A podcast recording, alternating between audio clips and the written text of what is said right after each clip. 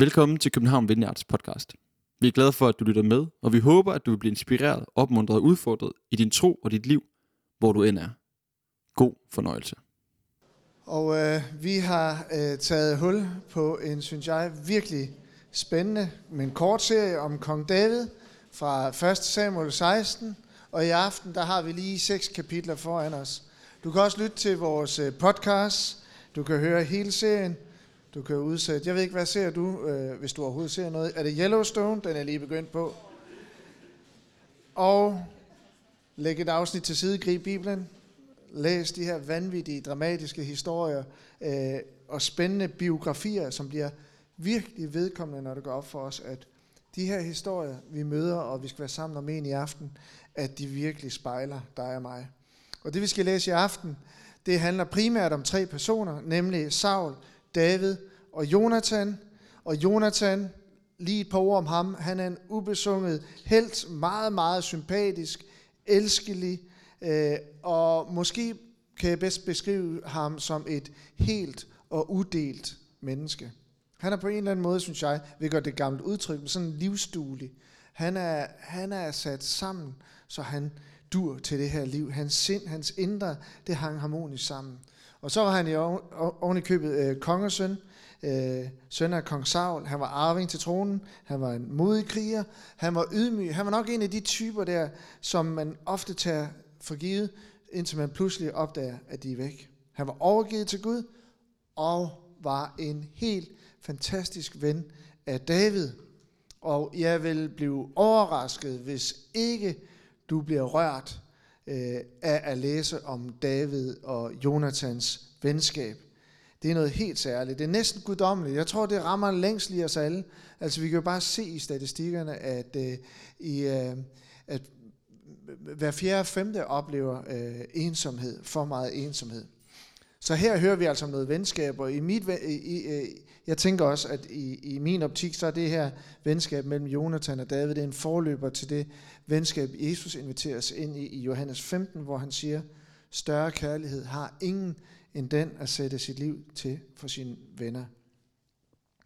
Og temaet for i dag, det er altså flugt eller frihed. Og Jonathan, han var den eneste af de tre figurer, som ikke var på flugt. Derfor skal det heller ikke handle mere om Jonathan. Øh, og faktisk heller ikke om Davids flugt fra kong Saul. Han flygter i seks kapitler væk fra ham. Det handler ikke om Davids flugt, for det gik hurtigt op for mig, at den største og mest interessante flugt, vi læser om her, det er ikke Davids flugt fra kong Saul, men kong Sauls flugt fra sig selv. Og det synes jeg er vildt spændende at dykke ned i, og sætte Sauls indre flugt i kontrast til den frihed, Jesus han lover os i Johannes 8:36, det er et vers, der har været i mine tanker hele ugen. Jesus siger, hvis altså synden, altså ham selv, hvis jeg får gjort jer frie, skal I være virkelig frie. Og den her kontrast mellem flugt og frihed, den er spændende, fordi jeg tror, det er noget, vi alle uden undtagelse kan tale med om. Jeg tror, at historien om Saul kan lære os noget om os selv.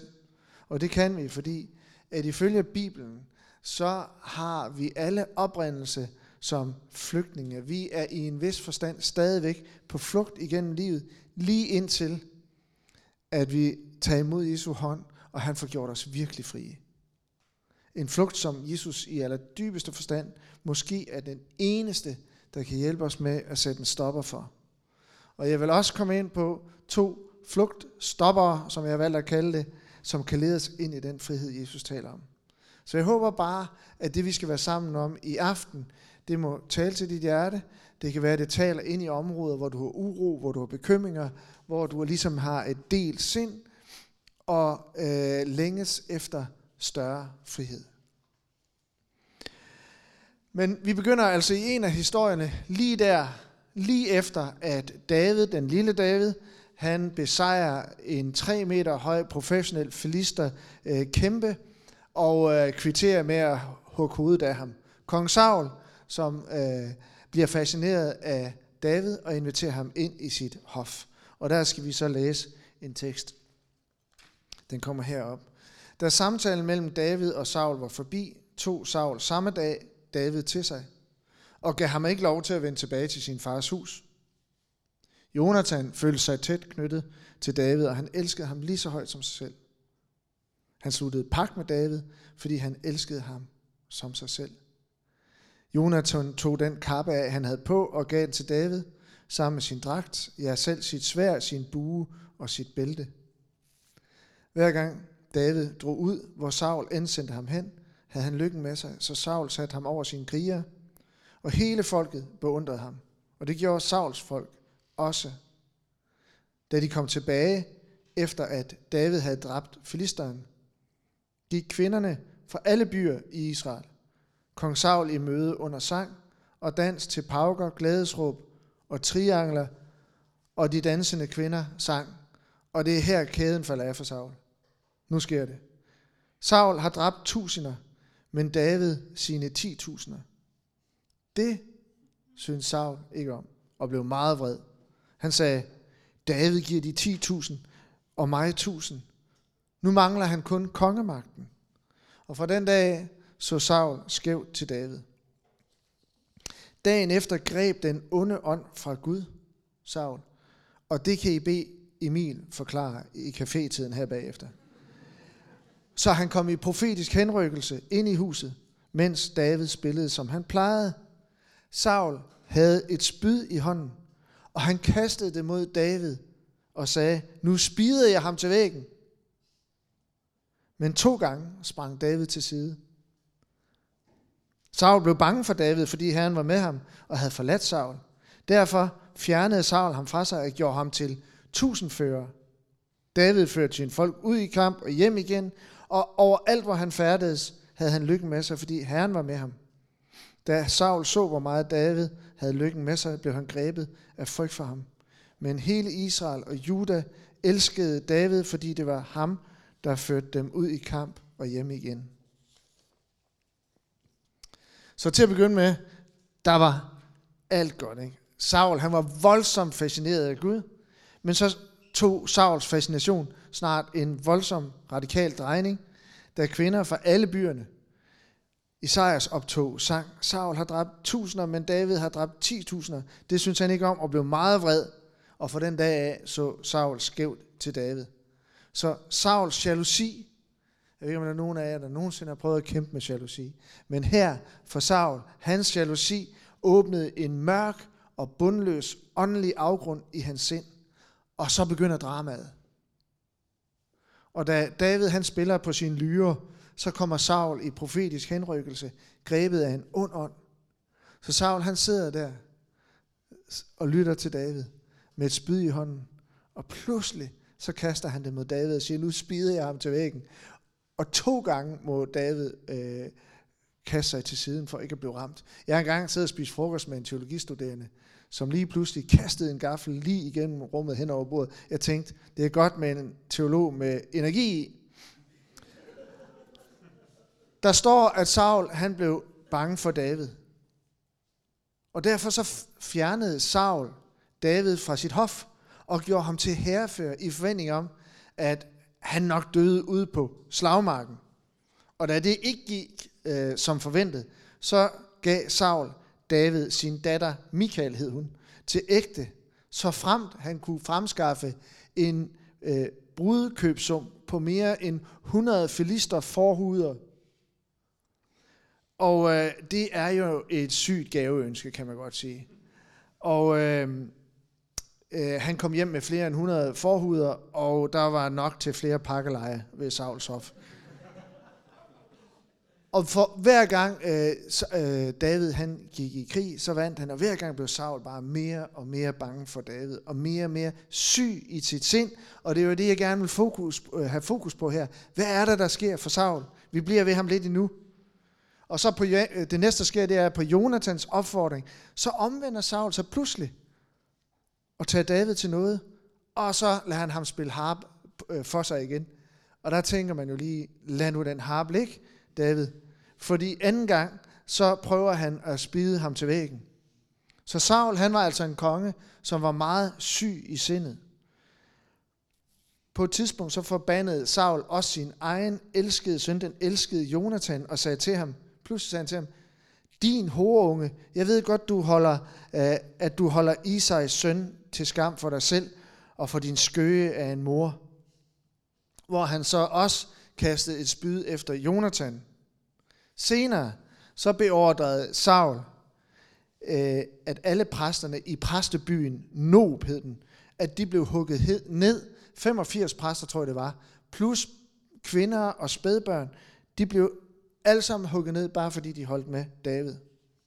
Senere sker der det, at i forfølgelsen af David øh, ude i ørkenen, så øh, skal øh, Saul så på toilettet, han går ind i en hule, og derinde bagerst i hulen, der gemmer David sig og sine mænd, og ser Saul, han kommer ind, og David lister hen og klipper en lille fi af hans kappe af, og går tilbage, og så går Saul ud, og så løber David ud efter ham, og, og råber øh, til ham, at noget i retning af, jeg kunne have slået dig ihjel. Det gjorde jeg ikke.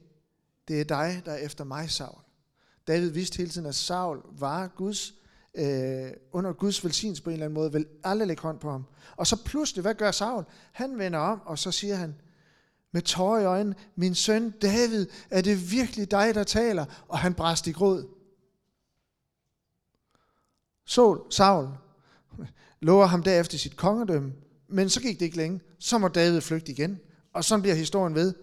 Og lidt senere fik øh, David endnu en chance for at slå Saul ihjel, gjorde det ikke. Og som nævnt, så er den største flugt, vi læser om her i, jo ikke Davids flugt, men det er Sauls flugt fra sig selv. Sauls indre formørkelse, det sender ham konstant på en indre flugt ind i en tilstand af ubestemthed. Han udviklede det, som vores øh, berømte filosof Søren Kierkegaard kaldte for et misforhold i selvforholdet. Og dem er der været så længe, så I kan huske Helle, som var præst her i kirken, der havde vi en tid, hvor vi citerede Søren Kierkegaard rigtig meget, og det blev vi kritiseret for. Nu er jeg glad for, at det kommer op igen. Emil tog det op, og nu kan I forvente det hver søndag. Saul, han lider af brudhed.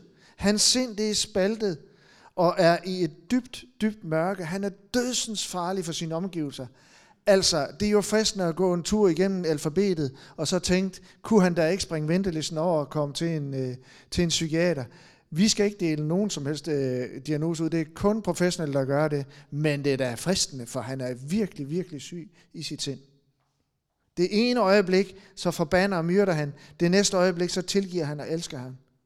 Et ekstremt indre misforhold på en indre flugt mellem utilregnelige sindstilstande.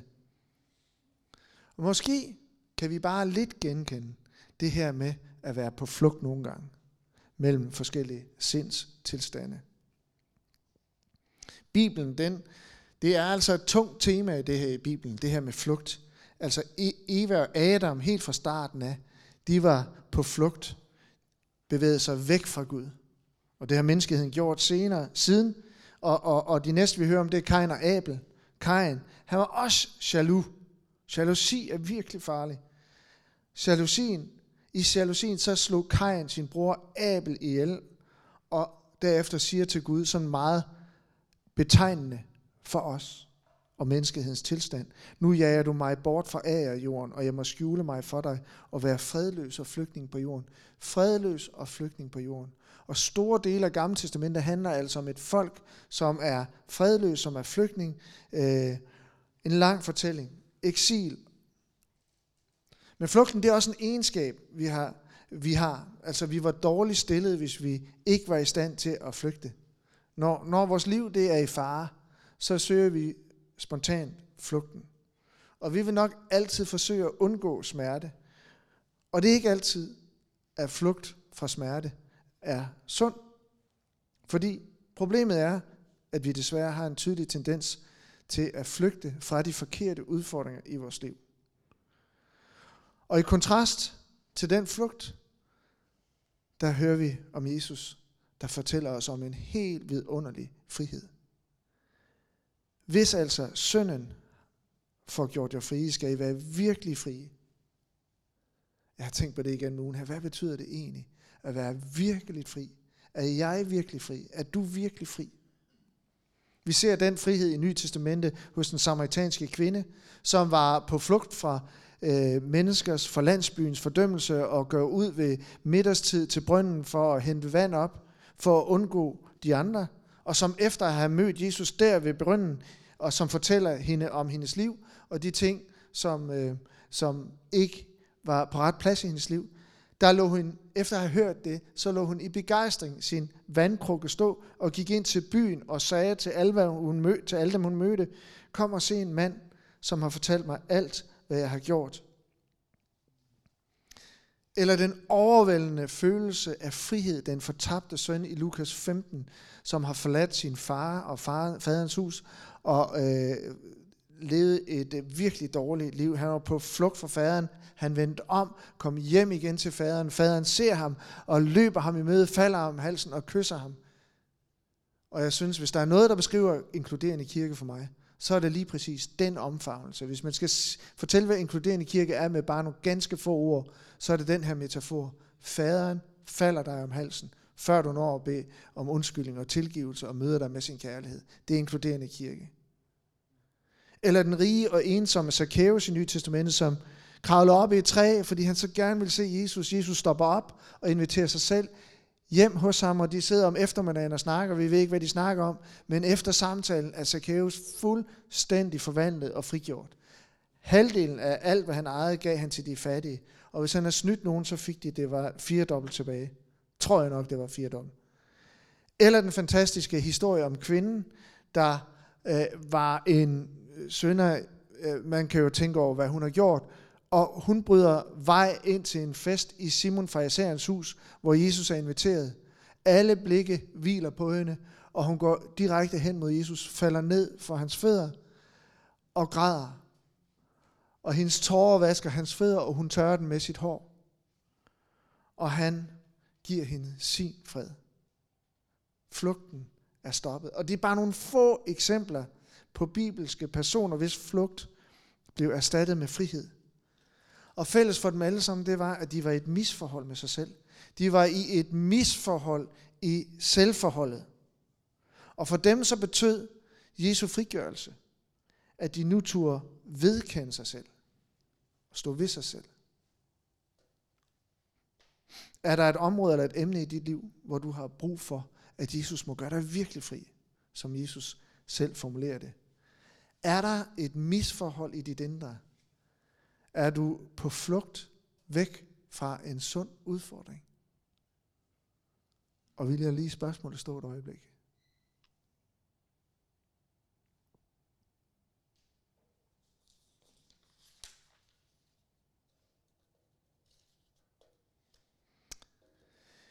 Frigørelsen her, jeg taler om, den handler om, at Jesus han bringer os indre overensstemmelse og gør os til hele mennesker. Det handler om at blive sig selv, som Emil han var inde på sidste søndag og citerede Kirkegård. Og der er altså et citat, nu kommer der et citat, og undskyld til jer, der er engelsktalende, øh, fordi jeg har ikke kunne oversætte det her. Maria, hun teolog, hun kan, så selvfølgelig det kommer fuldstændig skarpt, Maria. Det gør det, det har hun lovet. Og det her, jeg elsker det her citat, jeg har endda engang øh, forsøgt at skrive en sang over det.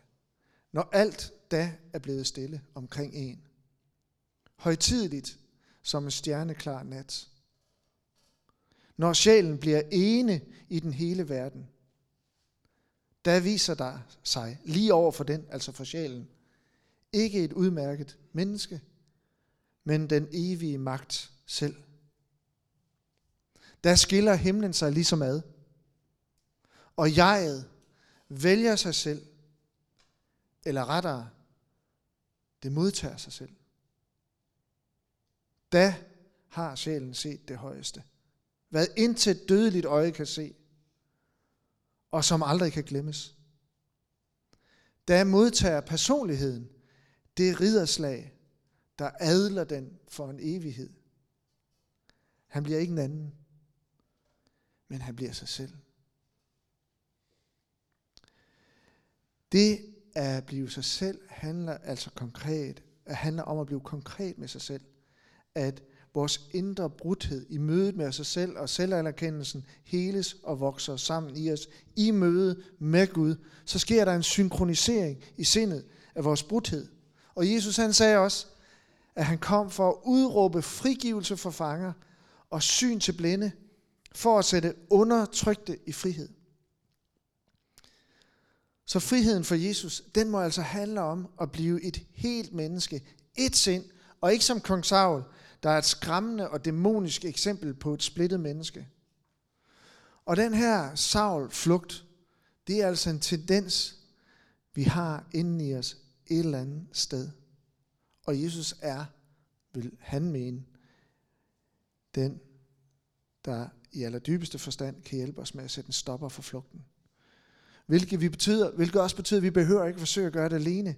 Fordi friheden opstår netop i en vedvarende relation til, med Jesus. Helbredelsen sker i relationen, helheden. Vi bliver bragt sammen i relationen til ham. Han har friheden til os, og i relation med ham bliver hans frihed vores frihed. Så der opstår en syntese mellem hans frihed og vores frihed.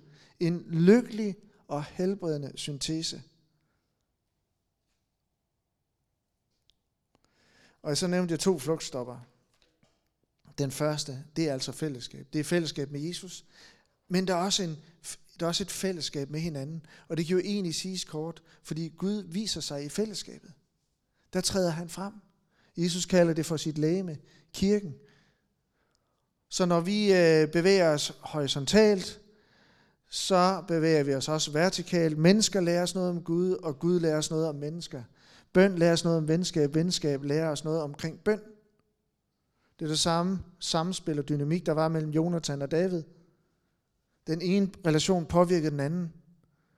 Og det er bare svært at finde Gud, uden også at bygge relationer med mennesker omkring os. Så Gud og fællesskab, det er uadskilleligt. Gud er i sig selv et træenigt fællesskab, fader, søn og ånd. Og alt for mange mennesker lever i dag uden venner og uden Gud. Der er alt for mig en ensomhed. Nu er jeg så gammel, så jeg har, kan huske fra tidligere, når jeg var sammen med mennesker, at de havde mange flere aktive venneforhold, eller ikke mange flere, men nogen flere end, end, end mennesker, vi, vi lærer at kende i dag. Sådan forekommer det mig. Hvad er der sket? Og igen og igen, så må vi bare konkludere, at øh, København Vineyard, ligesom andre kirker, inkluderende kirke, det er et helbredende fællesskab, og et fællesskab, det er en del af helbredelsen. Her møder vi Guds inkluderende kærlighed sammen. Det er derfor, vi prioriterer at, at cykle ud i regnvejr til gudstjenester og netværksgrupper. Det er derfor, vi holder hånden, nej, omsorgen højt. Og kan vi blive bedre til det? Ja, det kan vi godt. Men sammen med hinanden og sammen med Jesus, så kan vi blive virkelig frie. Jeg er snart færdig. Men, men, men Gud han vil aldrig lede os til en permanent tilværelse som en åndelig Robinson Crusoe-ø, hvor vi hver især kan dyrke Gud på vores øde ø. Retræte til en øde ø, det er fint nok, men kun for igen at vende tilbage til fællesskabet. Vi vil aldrig opleve virkelig frihed uden for fællesskabet, uden mødet med andre brudte mennesker. Fællesskab, det er en del af vores værdighed. Det er en uundgåelig del af vores helbredelse. Nævn et sted, hvor Jesus taler om, at du og han finder ud af det sammen, uden at vi andre får lov at være med. Begge relationer går op i en højere enhed. Og så vil jeg sige lidt om følelser, for det er den anden flugtstopper. Fællesskab og nu også følelser, det er det sidste. Når Jesus han siger, jeg har et par citater her, tror jeg, det kommer. Vi kan da godt tage den med.